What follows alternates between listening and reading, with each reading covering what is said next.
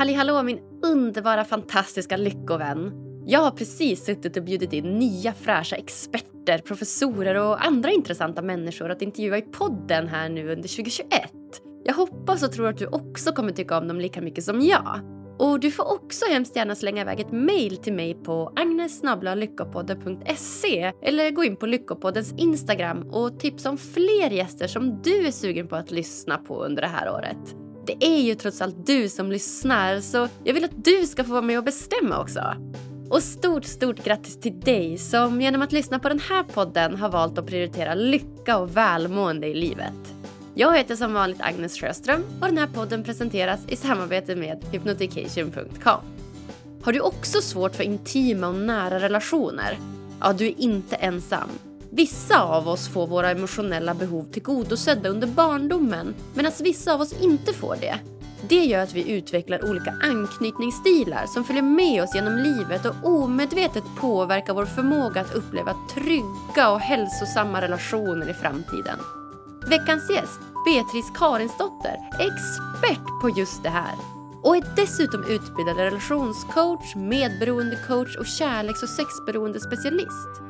Hon utgår från anknytningsteorins mönster när hon coachar sina klienter till sundare relationer. För tre år sedan startade hon och hennes sambo företaget Training for Love. En plattform som hjälper individer och par att gå från otrygg till trygg anknytning. Dessutom delar Bea öppet med sig om sina egna erfarenheter, bland annat om hon och hennes sambo med helt olika otrygga anknytningsstilar idag lever lyckligare än någonsin. Vi pratar också om vad anknytningsteorin är för något, vilka olika mönster det finns och framförallt, hur gör vi för att hantera dem? Ja, ett av mina mest matnyttiga avsnitt hittills enligt mig. Jag hoppas att du också ska gilla det.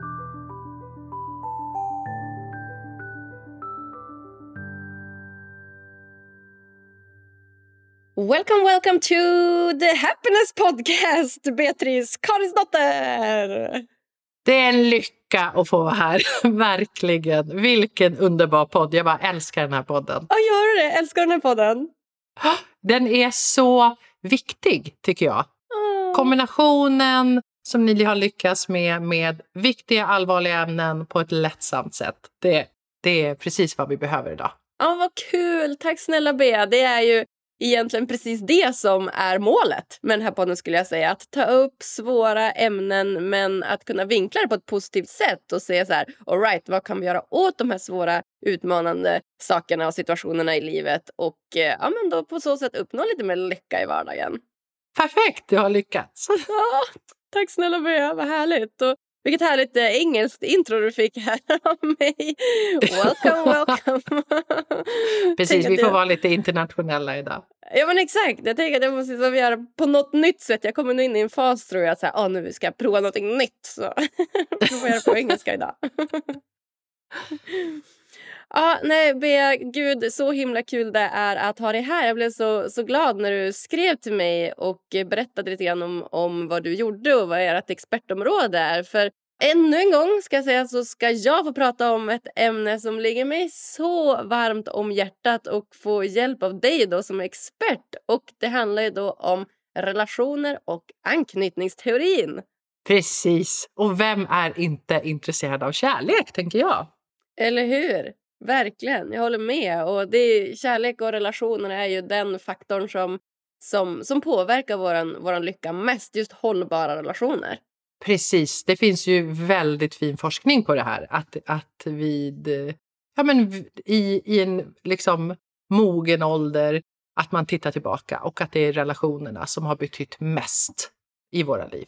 Mm. Ja men verkligen. Och ändå är det så konstigt att vi får ju inte lära oss någonting om det. Nej, men det tycker jag är med mycket. Det här livskunskapen, den får vi inte med oss. Och har vi då inte haft turen och fått den av våra föräldrar så får vi inte den heller någon annanstans. Och sen så kommer vi ut som blinda tonåringar på den här kärleks och relationsmarknaden. Vi ska ha vänskapsrelationer, vi ska ha kollegor, vi ska ha kärleksrelationer, vi ska ha liksom, relationer med barn. Allting handlar ju om relationer och sen är det noll utbildning. Eller hur? Ah. Och det, alltså det är så konstigt. Och jag vet ju just de här anknytningsmönstren, de är ju som mest aktiva. De sätts ju liksom i våra kroppar redan från 0 till 2 års ålder. Så det är supertidigt och det är våran då anknytningsperson, oftast föräldern, som, som hjälper oss med de här mönstren. Och, och har vi inte fått våra då emotionella behov tillgodosedda, ja men då, då är det ju skitsvårt för oss att skapa relationer i, även i vuxen ålder. Så det är ju ja, det är jättekonstigt att vi inte får lära oss mer. Ja, men du har så rätt där. Och så tänker jag också så här, du får den här kartan, den här kärlekskartan i så tidig ålder och så får du med dig den och du vet inte ens att din karta är bristfällig. Så du går omkring och tror att det är så kärlek är. För du har ingen, du har ingen annan referenspunkt. Exakt. Och ofta de som du pratar med har ungefär samma erfarenheter. För det är så det funkar. Vi dras ju till de som ungefär har samma erfarenheter och så bara delar vi där. Och så vet vi inte. Oj, det finns en hel värld bortom min lilla kartbild. Eller hur? Och så tittar vi på andra också och bara, jaha, men den här personen eh, nog, kanske någon trygg anknytning. Ja, men, ja, du hittar kärleken så himla lätt och du lyckas ha dina relationer och så själv står man där och du vet eh, superotrygg anknytning och kanske livrädd för den här kärleken och intimiteten även fast man längtar efter. Så det blir så otroligt kontraproduktivt. Ja, men precis. Och så ber vi också om råd, vilket är jättefint att vi kan göra det med våra vänner. Men om jag ber om råd från en som har otrygg anknytning som inte har så mycket koll, då får jag ju råd som drar mig ännu djupare in i min anknytning. Så det är liksom, ja men vi behöver prata mer om det här. Det är jättefint ja. att ni tar upp det. Ja, men alltså jag håller helt med dig. Och det, jag kommer ihåg första gången jag kom i kontakt med den här eh, teorin. Det var när jag precis hade börjat läsa en grundkurs i, i psykologi. Och egentligen så var mitt mål var att läsa psykologi. Det var att kunna bli, utveckla mitt tidigare företag som jag hade inom hästnäringen och bli mental coach. För jag tycker då att den här pedagogiken som jag hade, jag är ju ridlärare och har ju massa liksom, olika pedagogiska bakgrunder. Jag tycker inte att det nådde hela vägen fram till mina elever. Och då var jag så här, men det är något som saknas. Och så började jag då läsa psykologi bara för att lära mig liksom mekanismerna bakom. Så vad är det som gör att min pedagogik inte når hela vägen fram? Och då, då, då kom vi i kontakt med den här anknytningsteorin då i utvecklingspsykologin. Och det var som, det var som ett slag i magen. Jag bara jaha! Varför har ingen har sagt det här? Nu fattar jag varför jag har så svårt med relationer. För jag kommer ju också från en bakgrund, en ganska otrygg anknytning. Ja, men jag, jag, jag fick ju till med det, inte genom en utbildning utan en bok. Och det var också så här som att dra upp en rullgardin och bara Va? Varför, varför, varför, varför visste jag inte det här för? Det var ju liksom, det är så självklart och ganska enkel teori. Så. Och sen så gav den mig en mycket större kartbild och ett mycket större liv. Mm. Och mycket kärleksrikare liv. Precis, för att när vi, när vi kan göra liksom relationer från en trygg eh, plats i oss så expanderar våra liv. Vi blir mer kreativa, lyckligare, vi når våra drömmar i större utsträckning, vi mår bättre. Alltså all forskning visar på att det är som ett lyckopiller det här. Att kunna, att veta hur vi går mot en trygg anknytning i våra liv.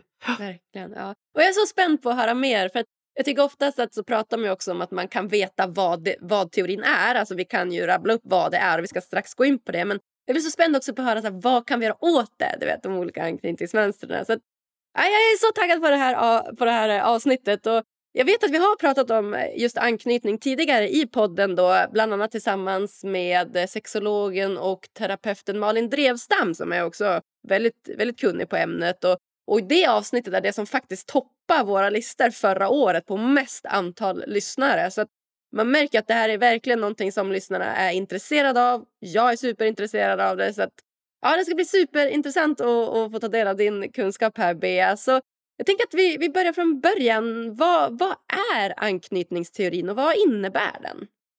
Anknytningsteorin, nu är det förenklat, Se det som din kärlekskarta. Den kartan som du får med dig från din barndom in och som påverkar alla dina relationer tills du uh, går i graven. Så, så viktig är den här kartan. Och anknytningen handlar om en känslomässig anknytning. Så när ett barn växer upp, om vi säger att den växer upp med sina föräldrar då, för att det ska vara enkelt, så behöver barnet bli känslomässigt mött inte bara få allting praktiskt liksom, för att det ska vara tryggt, utan den behöver en känslomässig kontakt med sina föräldrar för att den här kartan ska bli hel. Och det handlar egentligen anknytning om. Och det finns ju olika former av anknytning. Vissa har fått med sig en hel kartbild. Då har man trygg anknytning. För oss andra, till exempel mig själv, då saknas ganska stora bitar av den här eh, kartan. Vilket gör att jag får en bristfällig karta som jag tar med mig genom livet. Och jag blir otrygg i kärlek och relationer. Ungefär hälften av, av alla människor är det. Just det. Så att hälften är trygga, hälften är otrygga ungefär? Ungefär. Det, det är lite, man pratar mellan 50 och 60 procent. Det där varierar lite i olika länder och sådär. Men här i Sverige ja, men räknar vi ungefär 50 procent. Just det. Ja, alltså himla bra information. Så att då kan man säga att barn som utvecklar då otrygg anknytning de saknar den här emotionella kompassen. Då. Så att man har kanske fått allt det praktiska som du sa då i form av skjuts och i form av läxhjälp och i form av pengar och i form av träningar och så vidare. och så vidare. Men är det just då den här emotionella biten som fattas? Ja, men precis. Tänk om jag delar upp det så här. Det finns en yttre värld. Skjutsa, hämta, läxor, busskort, fritidsintressen och så vidare. Jättebra. Det här funkar bra i de flesta familjer. Sen har vi en inre värld. Känslor, behov, du vet, massa saker som händer i vår inre värld. Och får vi då inte någon som kan hjälpa oss att öppna den dörren och förstå den, så, så blir det här svårt, för vi saknar ett språk sen när vi går genom livet. Vi har svårt att uttrycka känslor, behov, sätta gränser och berätta vad vi vill och inte. Och om våra föräldrar inte har funnits där, när jag till exempel var ledsen, så börjar jag som barn också tänka att jag inte är älskvärd. Jag borde vara på ett annat sätt. För mamma och pappa är där när jag är så här, och, men inte så här. Hela jag får inte plats. Och så börjar vi liksom att anpassa oss för kärlek i relationer. Ja, just det. Ja, gud så himla bra beskrivet. Och jag tänkte att vi ska grotta ner oss lite grann i de här olika mönstren som vi ser. Det finns ju trygg anknytning och så finns det lite olika typer av otrygga anknytningar. Kan du inte berätta lite grann om vardera anknytning och vad, vad de innebär? Ja, vi kan börja med trygg då. Mm. Med trygg anknytning, då har du fått det här av dina föräldrar. Om du är ledsen så kanske föräldern har gått och sagt så här. Jaha, hej, är du ledsen? Förstår du? Du, du? du har ett behov, det är därför ett barn är ledsen. Och så får man det behovet tillgodosett. Det kan vara en kram, det kan vara att barnet behöver sova, den behöver lära sig förstå. Jag har en känsla, det är förknippat med ett behov och jag får det tillgodosett och nu mår jag bra. Det är tryggt. Så. Mamma och pappa ser mig när jag är arg, när jag är glad, när jag är ledsen. Jag får vara hela jag här. Jag lär mig då att jag är älskvärd. Det finns liksom en trygg person, går inte omkring och tror att den måste vara på ett visst sätt för att bli älskad, den är ju eh, älskad. Det vore skönt. Den är. den är det vore skönt att känna så. Och därför har den också väldigt lätt att gå in och vara i närhet i relationer.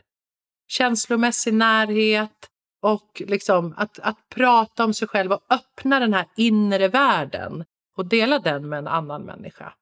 Så det är väl liksom lite kort om hur en trygg anknytning ser ut. Och sen har vi ungefär då 50 procent som har otrygg anknytning. Och då så har vi två kategorier. Vi har undvikande och vi har ambivalent. Jag kan börja med, med ambivalent. Jag, är ambiv jag har ambivalent anknytning med mig i bagaget. Det är barn där föräldrarna inte har varit konsekventa i att möta barnet. Det betyder att ibland fick jag Eh, mina behov tillgodosedda, alltså mina känslomässiga behov tillgodosedda av mina föräldrar, ibland inte. Det var på deras villkor. Jag har jättefina föräldrar, men de var ofta upptagna och de jobbade och gjorde karriär och det var liksom så, så inte nu. Så det innebär att, att som ambivalent så hela tiden måste jag vara alert, jag måste vara med. När finns den känslomässiga kontakten där? Så jag behöver liksom hela tiden vara där och, och liksom kräva. Och jag, behöv, jag behövde också bli lite mer högljudd och ta lite mer plats. För att, hej, se mig då, jag är ju här. Så. Och då kan det ju vara så att föräldrarna liksom tystar ner den delen och tycker att man är för mycket. Och så, så saknar man och så får man den här äh, bristen som tror att man, inte, att man behöver vara på ett visst sätt för att bli, bli älskad. Och så blir man rädd för det här med intimitet och kärlek. För att det inte har funkat. Just det, så ambivalent. Så egentligen så fram och tillbaka. Att ena sekunden får du kärlek och andra sekunden får du inte det. Och sen får du det och så får du inte det. Och så vet du som barn inte när egentligen. Nej men precis, vad ska jag göra då för att få den här närheten och kärleken? Som, eh, liksom, det är ju, jag överlever ju på den som barn. Mm. Det handlar ju om liv och död. Mm. Så viktigt är det här. Mm. Precis, det är en överlevnadsstrategi. För om inte du finns där för mig så kommer jag att dö. För det är det man gör som barn. Ja. Och sen så tar vi med oss det här såret då, in i, vuxen, i vuxenlivet. Just det. Mm. Och sen har vi den undvikande. Och den undvikande då, om vi tittar på typiskt generaliserande, en sån familj där ett barn med undvikande anknytning växer upp så är det ofta man har allting på plats. Men när barnet visar känslor så ökar distansen mellan föräldern och barnet. Inte så att den kanske blir bestraffad, men jag får inte uppmärksamhet och kärlek när jag är emotionell, när jag visar känslor. Därför lär sig barnet att så här, aha, jag ska inte visa någonting. För då får jag närhet. Då får jag sitta i knä. Då får jag vara med. Om jag är duktig och lugn och liksom så. Då, då är jag en del av familjen. Men när jag blir arg eller ledsen eller så, då ökar distansen och det är farligt. Så därför drar jag mig undan. Jag blir undvikande som en strategi för att få närhet och kärlek. Och det är viktigt att, att, förstå det, att den undvikande också längtar efter närhet och det är dens sätt att försöka få det. Mm. Ja, men exakt. Ja, men så himla bra beskrivet. Och, och jag är som du, jag känner igen mig 100 procent. Jag är också, kommer från en ganska otrygg familj och på utsidan var ju allt bra. Det var ju, jag fick ju häst och de betalade för det. Och de skjutsade mig och hästen på alla tävlingar genom hela Sverige. Och du vet, det var ja, men, inga problem att ta sig till skolan. Alltså alla de här liksom, praktiska sakerna. Det, var, det, satt på sin, det satt på sin plats. Och, och jag fick också höra så här, men du är så bortskämd, du får ju allting. Du får ju allting. Hur kan du vara ledsen? Och du, det är inte rätt för dig att vara ledsen nu för du har ju allting. du vet. Och, och jag, jag kände verkligen hur jag saknade den här emotionella kontakten. Någon som hörde mig, någon som såg mig och mina behov. Att så här, Ja, men jag, jag behöver en, en, en, kram idag. Jag behöver inte bli skjutsad eller omhändertagen på ett praktiskt sätt. Utan jag behöver min, min mammas och pappas kärlek. Och Det gjorde att jag också kände igen mig typiskt i den här ambivalenta eh, anknytningsstilen. Att jag, ena dagen fick jag väldigt mycket kärlek, andra dagen fick jag inte det. Ena dagen fick jag mycket kärlek, andra dagen fick jag inte det. För Det speglade någonstans hur mina föräldrar betedde sig gentemot mig. Och jag kommer ihåg också sen, nu när jag tittar tillbaka i backspegeln så kan jag också känna igen mig att så här, ah, jag var väldigt ambivalent. Men sen under årens gång så var det så jobbigt att jag alltid var tvungen att vara den här alert, alert, alltid behöva känna efter att när får jag kärlek, när får jag inte kärlek? Och då utvecklade jag en mer undvikande anknytningsstil för att det var ju lättare att då bara totalt ta avstånd. För då hade jag liksom en strategi att välja mellan. Och det är klart att det funkade ju inte heller då. Men men, men jag känner igen mig så mycket i båda de här stilarna. Och, och det, nu ska jag säga att på senare år, då, de sista åren, så har jag då lärt mig att träna på de här olika stilarna på olika sätt för, för att bli mer trygg. Men, men shit, vilken energi det har tagit genom livet. Ja, men precis. Bra att du säger det. Det tar sån fruktansvärt med energi. Det är som att liksom ha ett läckande såll hela tiden när vi har en, en relation, om det är med en vän eller med en partner, så ska ju den ge energi.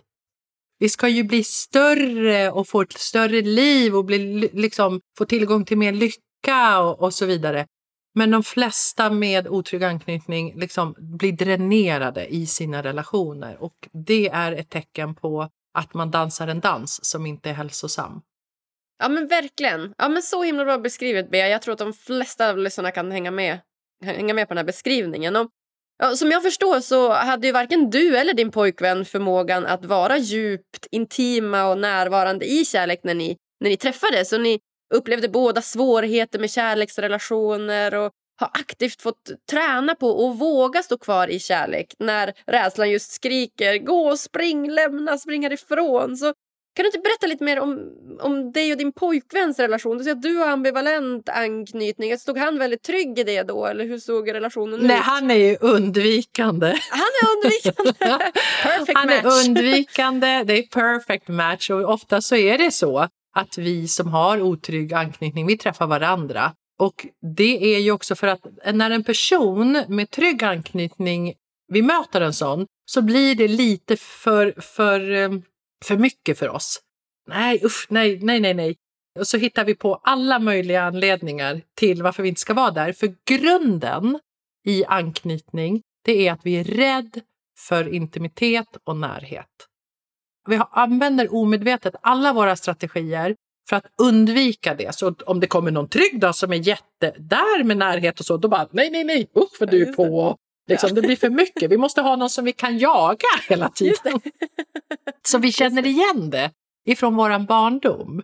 Och sen så passar vi som handen i handsken, precis som jag och min partner eh, gjorde. Och vi har ju varit ett par i sju år nu. Och vi har gjort den här resan i sju år. Vi har gjort den från första dagen när, när vi blev tillsammans. Det var liksom så vi blev tillsammans. Fast vi visste inte då att det hade med anknytning att göra. Men vi ville göra en kärleksresa. Så här, okej, okay, vi, vi var kompisar innan och vi kände varandra väl. Vi hade superroligt tillsammans och så. Och, och då hade jag någonstans fattat att jag valde partners som inte var tillgängliga för mig genom livet. Jag kunde se det mönstret redan då. Så då så sa jag så här, men du Theo, ska inte du och jag bli ett par då? för vi är ju så himla goda vänner och du finns ju där för mig och liksom sådär. Och vi, vi gillar ju det här med, med, med eh, att utvecklas som människor och sådär. Och han bara, ja okej, okay, det, det blir vi. Så, så, var, så enkelt var det ganska liksom så här, okej, okay, ja men det är faktiskt en bra idé att vi då börjar träna på det här med kärlek tillsammans. Men vi visste ju inte att vår anknytning skulle kicka igång när vi blev ett par, för den hade ju inte kickat igång när vi var vänner. Så det tog ju bara några månader när vi hade övergått från vänskap till, till en romantisk kärleksrelation så börjar ju den här äh, ambivalenta undvikande dansen, katt och råtta-leken, liksom, emellan oss. Och vi fattade inte vad som hände. För vi hade ju varit kompisar i två år. Där hade vi ju aldrig haft något sånt. Va? Vad är det som händer? Varför helt plötsligt så börjar jag bli dränerad och tappa energi och jag blir mindre glad och jag fattar ingenting och vi börjar bråka. Vi hade väl aldrig bråkat under våra två år som vänner. Och där så, så började vi liksom läsa om massa olika saker, men det tog ungefär ett år innan en kompis från Holland bara tittade på oss och bara jag tror att ni ska läsa den här boken. Och det var en bok som heter Attached av Amir eh, Levin som verkligen öppnade, det var som att bara dra upp rullgardinen och bara... så här, de har ju skrivit boken om oss, det handlar om oss. och så fick vi lära oss om anknytning och att man kan ta sig till trygg anknytning. Så då bestämde vi oss att göra det. Ja, ah, shit vad fint att ni ändå var överens om det. Alltså, nu, nu kör vi, nu tränar vi på det här. Vi lär oss hur man gör. Ja, men både, både han och jag var så här, ja, men jag vill inte kasta bort det här livet att aldrig få uppleva en riktigt fin kärleksrelation. Den, den, den längtan har jag haft med mig sedan min tidiga tonåring när jag då läste tidningar som hette Stalet och mitt livs novell. Liksom. Det var ju liksom den romantiska drömmen att få ha en fin relation. Och jag trodde sen under min, mitt liksom vuxna liv att så här, äh, det, där är, det där är bara liksom hittepå. Man kan egentligen inte ha fina relationer. För det hade ju aldrig funkat för mig, fast jag hade försökt allting. Liksom. Oh, wow, oh, vad fint. Ni får tacka er vän från Holland och så kom och gav er boken i handen. Verkligen.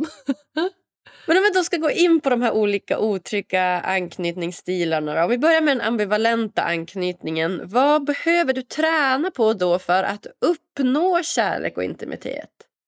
Först och främst så behöver du förstå vad det är att du har det. Det är liksom först och främst. Att våga titta på sig själv är det vi nästan alltid sist vill göra. Vi kan alltid pinpointa så var det för mig i början också. Jag hade alla Teos mönster och sen i andra hand började jag titta på mina egna mönster. Att våga titta på din egen anknytning, för att det är, det, det är där liksom resan börjar. Och sen som ambivalent så har jag behövt träna på att själv reglera mina känslor. en ambivalent person behöver ofta ha, liksom reglera känslorna tillsammans med en partner. Hör, jag är orolig, du behöver finnas nära mig nu. Så att reglera känslor själv. Och hur, hur har du gjort det? Ja, men det har jag gjort genom att först och främst bli medveten om att jag har känslor. Ja. och och liksom så läst på om känslor och, och så hittat en större liksom spektrum på mina känslor. Inte så glad, arg, ledsen, utan kanske orolig, rastlös, stressad. Men liksom bara ett större språk på det. Det har jag ju också fått hjälp i, genom att gå i terapi och samtala, för vi hade ju inte hittat ut själv. När man är i det här så ser man ju bara sin egen karta, så man letar ju bara i sin egen karta. Så vi har ju fått tagit hjälp utifrån, bland annat av terapi. Att så här, okej, okay, nu kan du vara med dina egna känslor. Du, det är inte på liv och död om Theo inte finns här hos dig just nu. Så jag har använt jättemycket meditation. Daglig meditation. Och jag kunde inte sitta still förut, så jag trodde aldrig att jag skulle kunna meditera. Men jag började med bara några minuter om dagen, så här, var med mig själv. För jag var alltid där ute och läste hela tiden av Theo. Vad är Theo på för humör? Tycker han om mig idag? Finns det kärlek att hämta? Finns det inte kärlek att hämta? Jag var liksom utanför mig själv hela tiden, så jag har fått plocka hem mig själv. Och det kan man ju göra på många. Meditation är bara ett. Jag har, jag har också gjort yoga, så dans, pr promenera i skogen. Så här, var med mig själv. Kom hem till mig liksom. Och sen vad jag också har fått träna på det är ju att ja, men till exempel så, så kan en ambivalent person bli kritisk mot sin partner när vi vill ha kärlek. Och kritik, vad gör det med oss människor? Jo, det stöter ju bort så jag har liksom så fått lära mig vad är det som funkar och inte. Att vara sårbar. Jag får träna jättemycket på sårbarhet. Och istället för att säga så här, jaha, måste du titta på tv ikväll också? Säga, gud vad jag längtar efter dig. Just det. Ja. Shit. Alltså, förstår du, ändra, träna på att ändra mitt språk. Så att det blir tillgängligt. För att om jag kommer till Theo och säger så här, jaha, är det, är det, tittar du på den här filmen i, idag igen? Mm. Det enda han kan gå till liksom i sin undvikande, det är att börja undvika mig. Och ju mer han undviker mig, desto mer är jag på honom. Så att jag har ju behövt träna på, på det där också. Det är det här vi tränar med, med våra par som är utbildade i det här också. Lär dig ditt eget och sen börjar du göra tvärtom och börja kommunicera och vara i sårbarhet. Och det är ju skitläskigt. Vadå sårbarhet? Jag kan ju inte visa vem jag är innerst inne, då kommer ju du lämna mig. Ja. Så var ju min tanke från början. Ja, men exakt. Ah, shit, va? Så himla modigt. Det märks att det är ett, eh, ett hästjobb. Det kan man verkligen säga. Att eh, börja öppna sig och våga vara sårbar, det är, det är ju ganska stort jobb bara det. Men det jag tänker på då, när det kommer till det här med att man ska göra tvärtom. Som du säger, alltså, den första reaktionen för dig det kanske var så här, varför tittar du på tv igen? Och då istället hela tiden behöva vara medveten och så här, all right, nu är jag, blir jag kritisk igen, det är min anknytning som kickar in, jag behöver be om kärlek. När går liksom gränsen i form av så här, men tänk om han då tittar på tv varje kväll. Han tittar på det och du får aldrig kärlek utan han prioriterar den mycket mer än dig. Vart går gränsen i form av att så här, säga ifrån och vart går gränsen i form av att visa sig sårbar? För att någonstans kan jag tycka att, så här, ja, men säg att han skulle titta på tv varje kväll och du ska fortsätta så här, men jag längtar så mycket efter dig. Och han bara tittar på tv, tittar på tv, tittar på tv. Hur, hur vet man vart gränsen går? När ska man lyssna på sin anknytning och när ska man lyssna på sig själv eller något annat? Liksom? Ja, men det är superbra fråga. Men du får ju inte en människa att vilja gå närmare dig när du är kritisk. Nej. Inte någon. Inte Nej. din mamma, kollega, vän, partner. Ingen vill vara nära en person som är kritisk. Bara där att, att liksom ändra på det. Men det svåra i det här, det är att inte tro på sina tankar. Det, här, det där är en stor grej som vi behöver liksom träna på. Och om min tanke, om Theo kommer hem från jobbet till exempel och är liksom mm, upptagen och inte så närvarande och så vidare från min ambivalenta anknytning så läser jag av honom och så tror jag att det är något fel på mig. Mm. Jaha, okej. Okay. Så då när, när, den säger, när, när den rösten säger så här, jaha, vad har jag nu gjort? Är det något fel? då har jag en röst i huvudet som automatiskt vill säga det. Då behöver jag höra att det är min ambivalenta anknytning. Och så här, men vänta, Bea, jag hör att du tror det, men han kan ju vara upptagen med någonting som har hänt på jobbet. Och hur vet man det? Hur vet man att det är anknytningen som talar och inte vanliga rätta B? Eller vad säger man? Hur, alltså, jo, men därför, att, att, därför att ja. men det är som att när man läser böcker om anknytning då, eller går i terapi eller utbildning så, så får du lära dig vad anknytningen säger. All right. Du finns inte där för mig, du älskar inte mig, vi är inte tillräckligt nära. Ambivalent. Du är för nära mig, lyckan finns någon annanstans. Jag borde kanske vara med en annan partner. Undvikande. Uh. Förstår du? Så att man behöver lära sig så här, vad, är det, vad är det min anknytning säger åt mig för någonting? Och sen så inte tro på det, inte agera så här. Man kan ju, jag kan ju fortfarande höra det efter jag har tränat på det i sju år. Men jag agerar inte där. Jag tar den andra vägen för att min karta har fått en annan väg. Det har öppnat sig en ny väg för mig så jag har ett val idag. Ja, fint. All right. Så det är då ganska generellt den här rösten som pratar i huvudet som säger jag är inte älskad, han vill inte vara med mig. De här olika meningarna är ganska generella då för, för just den här olika typen av anknytning. Kan man säga så? Att det är en viss typ av röst man inte ska lyssna på eller viss typ av ord? Exakt, All precis. Right. Och det där tar ju lite tid. Men för att komma tillbaka till din fråga då, liksom, om, om man har en partner som tittar på tv varje kväll, så istället då för att fortsätta vara kritisk för det stöter bort vilken människa som helst, får man ju träna att vara sårbar, alltså berätta om sina behov, men också att möta den andra personens behov. För det handlar inte bara om mina behov i en relation. Så att om jag har behov att komma nära så behöver jag också förstå att min undvikande partner, om jag har en sån, behöver också tid för sig själv. Mm. För deras system blir ju aktiverat i närhet och vårt system blir aktiverat när vi inte får närhet. Det är en väldigt svår kombination. Så vi behöver ju se på bådas behov.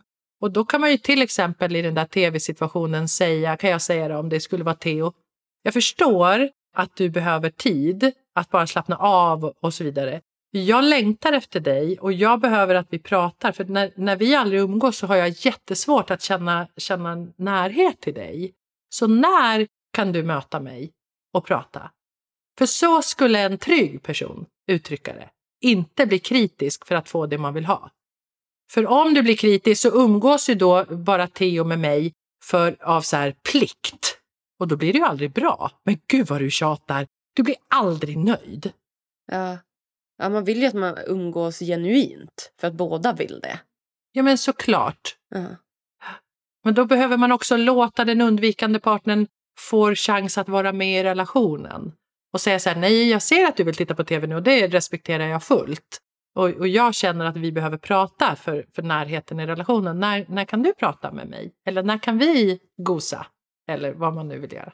Just det. Ja, men så himla bra. Så att, eh, då om man är eh, mer lagd åt det ambivalenta hållet då, som, som kanske du och jag och jag var till en början så hjälper det då med meditation, med yoga, att umgås mer med sig själv och då också lära sig känna igen de här kritiska rösterna i huvudet som, som säger han älskar mig inte, han vill inte vara med mig, han gör någonting annat. Kan man säga så? Precis. Ta ett djupt andetag istället för att gå till attack när, när du tror att det är fara.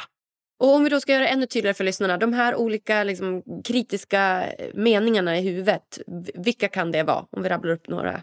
Ja, men det kan vara att eh, du har aldrig tid med mig.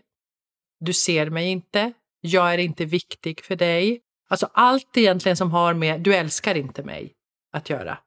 De, de tankarna. Och det är ju ofta förknippat också, för när vi går in i de tankarna så går vi ju in i vårt hotsystem.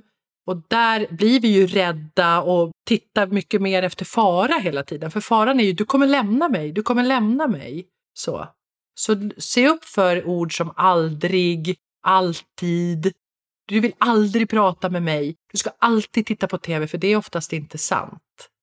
Ja, men Jättebra. Jättebra eh, början, tror jag många känner igen sig i.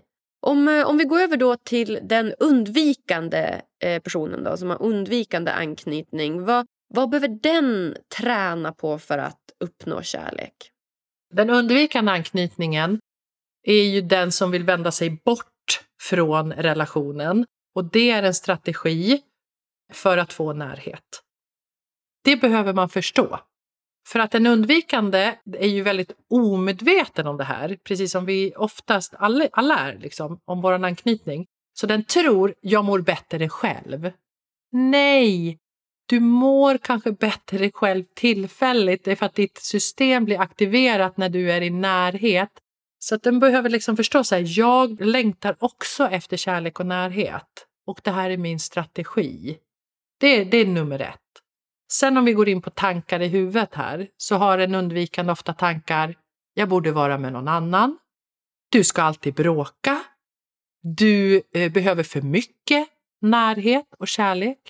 Jag behöver få vara själv. Gud vad du är besvärlig. Jag är bättre än vad du är. Förstår du? Massa sådana liksom försvarsmekanismer i huvudet. Ja, det här är så spännande. Det här är också jag. Ja, det här är jag på äldre dagar. Ambivalent som ung och undvikande som gammal. Men nu är jag lite tryggare måste jag säga. Men jag känner igen mig så mycket. Ja, men precis. Och då så är det så här, men om jag då går nära min partner som har en undvikande och hans system blir aktiverat och tänker nej, jag kan nog inte vara i den här relationen för nu börjar det hetta till. Nu börjar våra inre världar öppnas för varandra, så nu måste jag fly. Så behöver ju den personen så här, oh, okej, okay, är det verkligen eh, livshotande för mig att, att säga vad jag tycker och tänker och känner? Mm. Så det är ju en sak. En undvikande person har oftast inte ett känslomässigt språk. Det här förstod inte jag i början av vår relation. Då kunde jag gå till Theo och så säga så här, men hur känner du? Och han blev skitförbannad på mig för han kunde inte ut, han visste inte vad han kände. Han har aldrig fått träna på det. Han hade inte tillgång till känslan och han hade inte orden för känslan. Och det är så himla läskigt för en undvikande att känna sig som misslyckad. Så därför tröck han bort mig. För att tänk om jag inte kan svara, då kanske inte du vill vara med mig. De behöver verkligen träna på Oftast genom att få hjälp. Att liksom känsla, kunna säga. Jag mår så här. Jag behöver det här. Det är väldigt basic. Man kan ju ha hög intelligens på alla områden, men just att skaffa sig en känslomässig intelligens också. Det är jätteviktigt för en undvikande. Mm. Ja, shit, så himla bra. Så himla bra. Det måste man träna på. Ja, alltså det jag kan tycka det är att Eh, när jag då har... Jag har, fått, jag har tränat ganska mycket på att få hjälp också med mina, mina anknytningsmönster och sen jag liksom insåg att oj, herregud, det här är något som står fel. Så fel till i mina inre arbetsmodeller här. Men det jag, det jag tycker att jag gjorde då det var att så här, först sökte jag väldigt mycket hjälp hos olika. Så här, alltid haft behov av att prata. Så här, sökt hos liksom, kuratorer eller psykologer och så. Men har som aldrig riktigt varit nöjd. Som aldrig riktigt nått fram. Utan jag har som aldrig fått den, den hjälpen som jag behöver då, tills jag till slut hittade en, en tjej som, som är då psykologisk coach egentligen som då hade väldigt snöat in sig just på det här med anknytning. Så, har du något tips? Liksom, vilka fick ni hjälp av när det kommer till just de här att prata med om man behöver hjälp med att verkligen reda ut sina anknytningsproblem?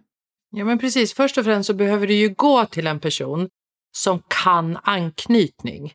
Och hur För vet att om man du det? Går Vilka är det? Liksom? Ja, man måste fråga. Ja, man behöver det. fråga. Man behöver liksom googla terapi, coachning, psykolog med anknytningsinriktning. För att det är väldigt många som går till någon och sen så missar de, man tar inte upp det här. För att alla har ju olika inriktningar. Det är som att gå till en eh, näsa-halsdoktor om du har ont i magen. Liksom. Man behöver välja och det kan man ju googla vart i Sverige man, man bor och sådär. Så vi fick ju eh, hjälp av experter precis på anknytning. Och sen så har ju vi också läst hyllmeter med böcker. Skaffa den kunskapen så att du börjar fatta det här. Så vi har ju utbildat oss själva. Bara kolla på Youtube, läst alla böcker, läst forskning om det här, pratat med människor som kan och så vidare. Och det vi gjorde för några år sedan, det var att vi träffade ett par i eh, Los Angeles. Det är ett eh, homosexuellt par, de är över 60 år och de har gjort den här resan redan. Och vi frågade om de ville bli våra mentorer. Så då pra vi pratar med dem fortfarande en gång i veckan, varje söndag klockan sex till sju. Wow. så, så träffar vi dem på Zoom och pratar om vår relation och, och så vidare.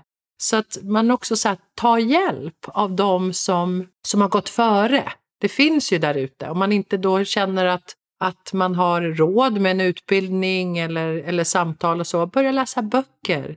Det är en kunskapsbrist det här. Ja, men helt klart. Wow, så himla inspirerande.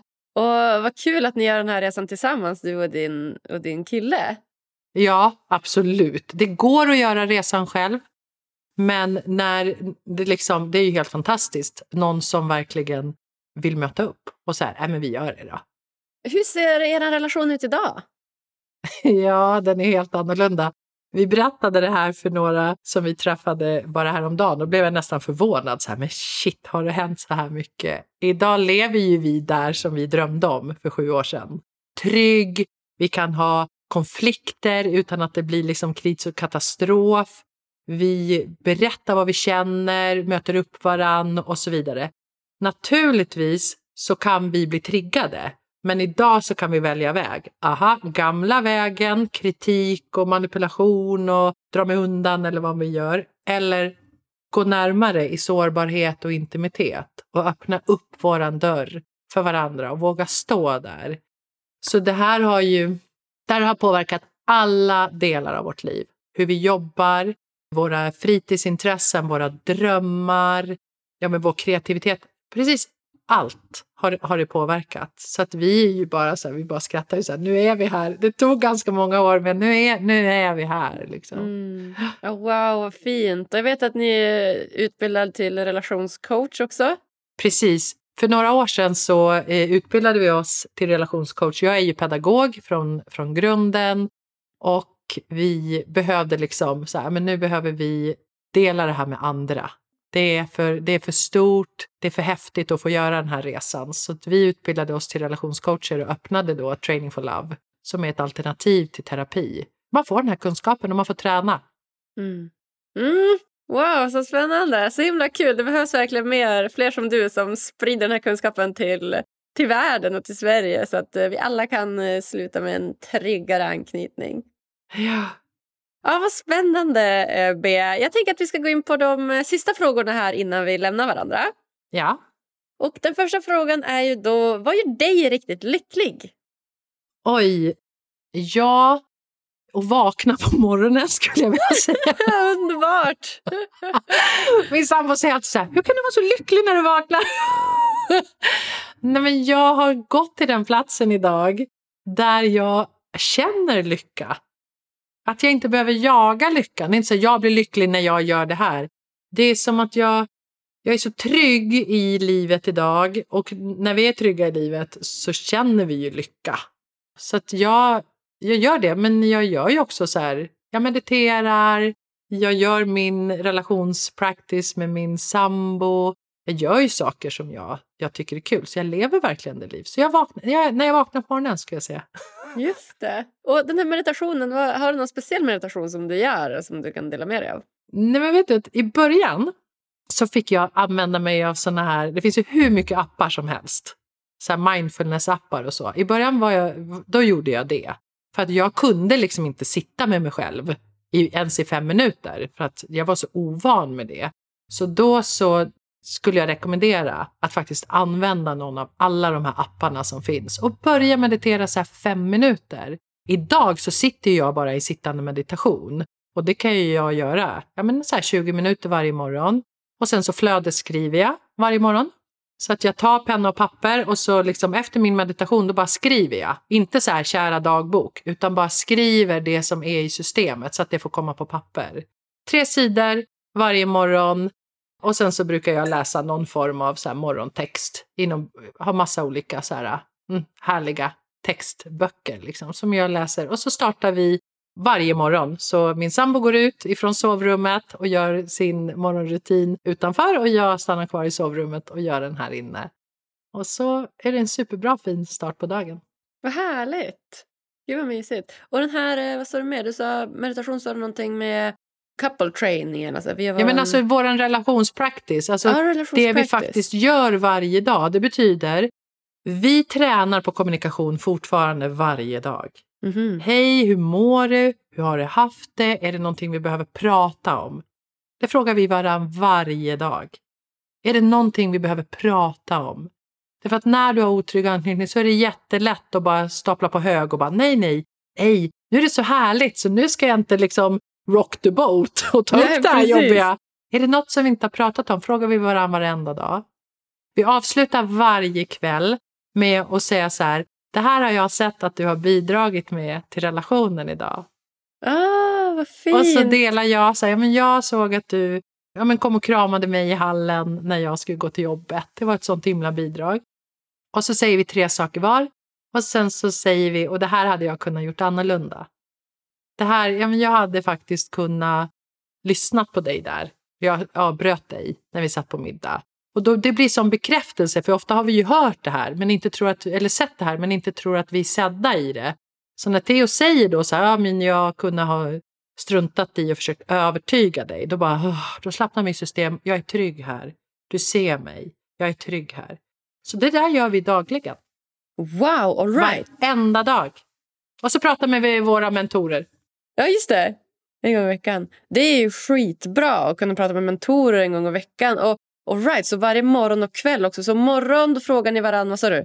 Nej, på morgonen så, så gör vi våran, eh, våran meditation och, och så. Ja. Till middagen frågar vi varandra, hur mår du? Hur har din dag varit? Är det någonting vi behöver prata om? Som vi inte vågar prata om i den här relationen just nu.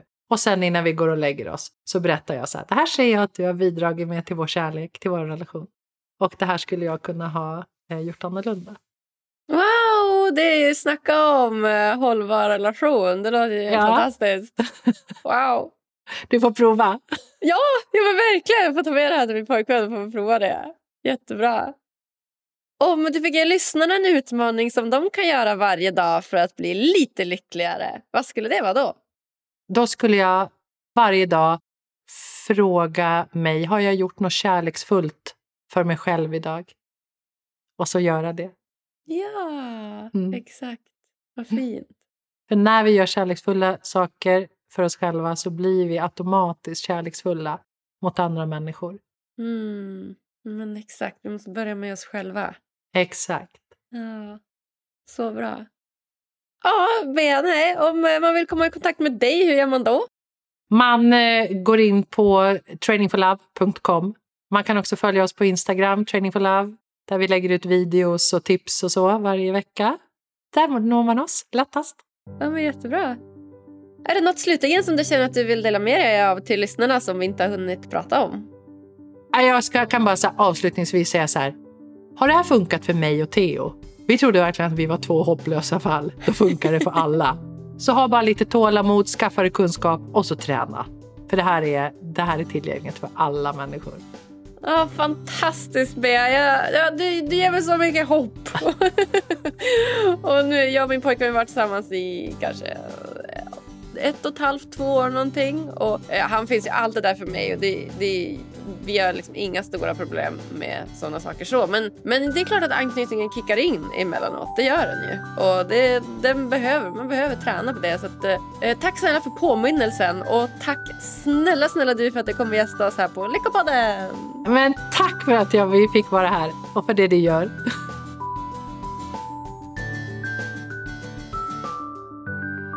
Men gud så himla bra beskrivet. Jag tyckte Bea förklarade anknytningsteorin på ett så enkelt och pedagogiskt sätt. Känner du igen dig? Ja, du är inte ensam. Men nu vet du i alla fall vilka verktyg du kan använda dig av för att komma lite närmare lyckliga och sunda relationer. Så himla bra!